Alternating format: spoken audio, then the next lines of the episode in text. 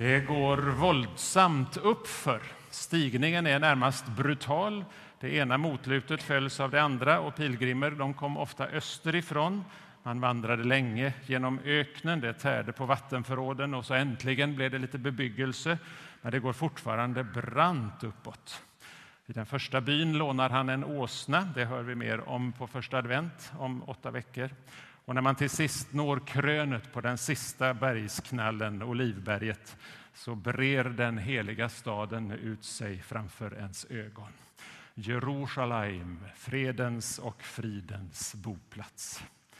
När jag åkte där med en församlingsresa för några år sedan så satte guiden på en riktig israelisk schlagerdänga på hög volym i bussen precis när vi kom ur sista tunneln. Igår stod SVTs reporter precis där när han såg missilerna på väg mot Tel Aviv. Ehm, det där med fridens och fredens boplats har ju sällan varit så i verkligheten. Men de flesta pilgrimerna tog nog upp en sång där. Äntligen framme. Så vackert, så underbart. Och några av de där vandrarnas sång hörde du nyss när jag läste och du kommer att sjunga dem själv på första advent. Hosianna, Davids son, välsignade han som kommer i Herrens namn. Och därför fred i himlen och ära i höjden. Ekot från änglasången i Betlehem några kilometer bort och dryga 30 år tidigare är övertydlig. Då var det himlens lovsång som några av oss människor fick höra.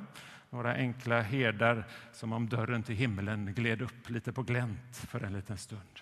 Och nu när pilgrimerna kommer över bergskrönet och ser precis det som ni ser där på bilden så är det Guds vanliga enkla folk som tar upp sången. Barnen, lärjungarna, underifrån väller den fram utan beräkning utan förställning. Det går helt, enkelt inte att låta bli att sjunga när Jesus kommer.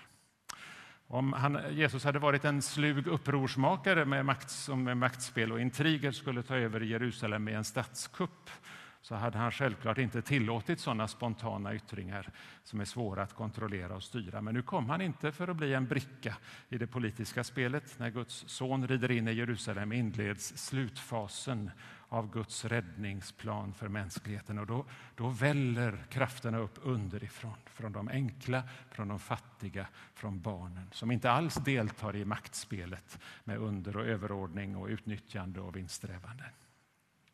Och då protesterar vänner av ordning. Så där kan man väl inte göra? Kan man verkligen sjunga så i kyrkan? Säg till dem att sluta. De stör ordningen.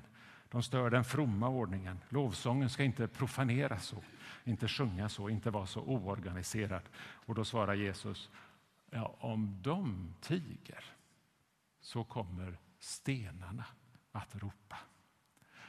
Och det där är en sån där tankenöt som eh, man älskar i Orienten, eh, en one-liner som kan betyda många olika saker. Eh, och jag tänkte bara ta två den här predikan. Första poängen, tystnar sången från vanligt folk. Från oss här. Så kommer lovsången att bryta fram genom annat som Fadern skapat, till och med det mest döda och livlösa du kan tänka dig. För hade Jesus valt träden eller vinklasarna eller skördefälten, eh, då hade vi förstått honom bättre, enklare. Men nu väljer han stenarna vid vägen. Stenarna som de vandrande pilgrimerna hade förbannat och sparkat på i middagshettan. Kanske säger det med, han det med en blinkning till stenmassorna vid det pågående tempelbygget alldeles framför dem. Men lika gamla och livlösa som stenarna, ja, lika gamla och livlösa som de som ligger alldeles här utanför. Eh, här ligger nämligen en hög med stenar. Och den här tog jag där utifrån nyss. Och här, den här stenen är ju många miljoner år gammal och den kommer att överleva oss med lika många. Eh, Men ur de här, ur en vanlig sten, kommer Gud att väcka lovsång om inte vi sjunger. Lovsången till Gud pågår ständigt i himmelen. Den kan bryta fram till och med i det mest livlösa du kan tänka dig, som detta. Och då börjar det ju bli lite spännande. Till och med alltså i det mest livlösa du kan tänka dig, till och med inne i mitt liv. Som nu känns idag, för någon känns som en stenöken utan större känslor, just ingenting att komma med. Men som ett stilla eko av änglarnas lovsång i julnatten får den sången bryta fram idag. För det var ju det enkla, det vanliga som Gud valde. Änglarna sjöng sången, barnen fortsatte, lärjungarna tog vid. Och idag är det din tur att kroka i denna väldiga kedja av lovsång. Eh, just nu är det vi som sjunger, eh, men vi fortsätter bara lovsången som den här söndagen började, påbörjades borta i östra Asien och nu böljar fram över planeten jorden och andra krokar i när vi slutar. Men nu finns det också hos oss en liten vän av ordning som hutar åt dem som, säger, eh, som sjunger, nämligen säg åt dem att sluta. Den här vännen av ordning finns också här inne. Precis som stenöknen kan finnas här inne så finns den där vännen av ordning. Han kan få den mest hängivne på fall. Inte ska jag vara med och sjunga när de andra sjunger så vackert. Vad ska folk tro om jag brummar med i den fina salmen? De kanske tror att jag menar allvar. Och så tonar vännen av ordning upp sig som en riktig åklagartyp här inne som mest av allt vill se dig missmodig och bitter och vid sidan om Hans namn här på kyrkiska brukar vi kalla honom för den gamla människan. Han hatar lovsång. Han eller hon vänder, vänjer sig med vämjelse bort när barn och unga börjar sjunga eller när det gungar gospel i Fässbergs kyrka. Säg åt dem att sluta. När Jesus hutar åt honom blir han tyst faktiskt, eller henne, den gamla människan. För eh, han vet att lovsången är kraftig och kan bryta fram till och med i det mest livlösa som du kan tänka dig stenhögen i mitt eget innersta. Det var den ena betydelsen. Den andra kommer nu. Om de, om de tiger kommer stenarna att ropa. Stenarna de gick bland var alltså stenläggningen och husgrunderna. Flera av de där stenarna ligger kvar än idag på väg upp till Jerusalem. Jerusalem. Några minuter senare börjar Jesus gråta över stan över att människorna där inte kunde ta emot den frid och fred som kom med honom.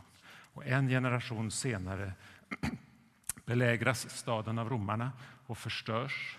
Eh, och då står det, då lämnas inte sten på sten.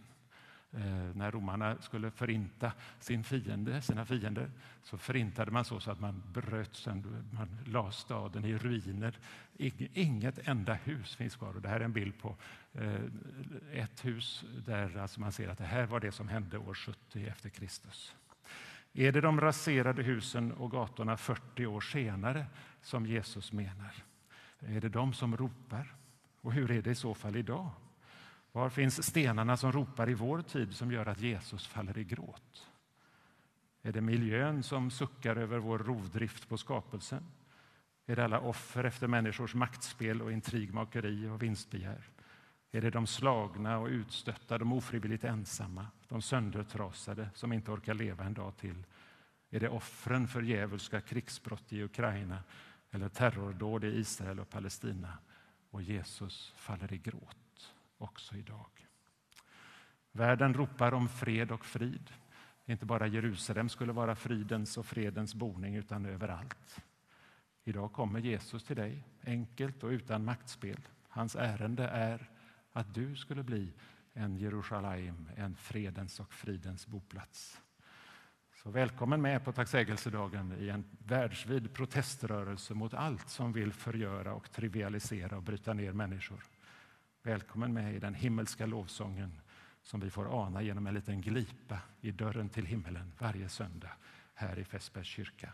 Sjung, brumma med i kyrkans lovsång och gör det frimodigt för om du tiger, då kommer stenarna att ropa. Vi blir stilla en kort stund i begrundan.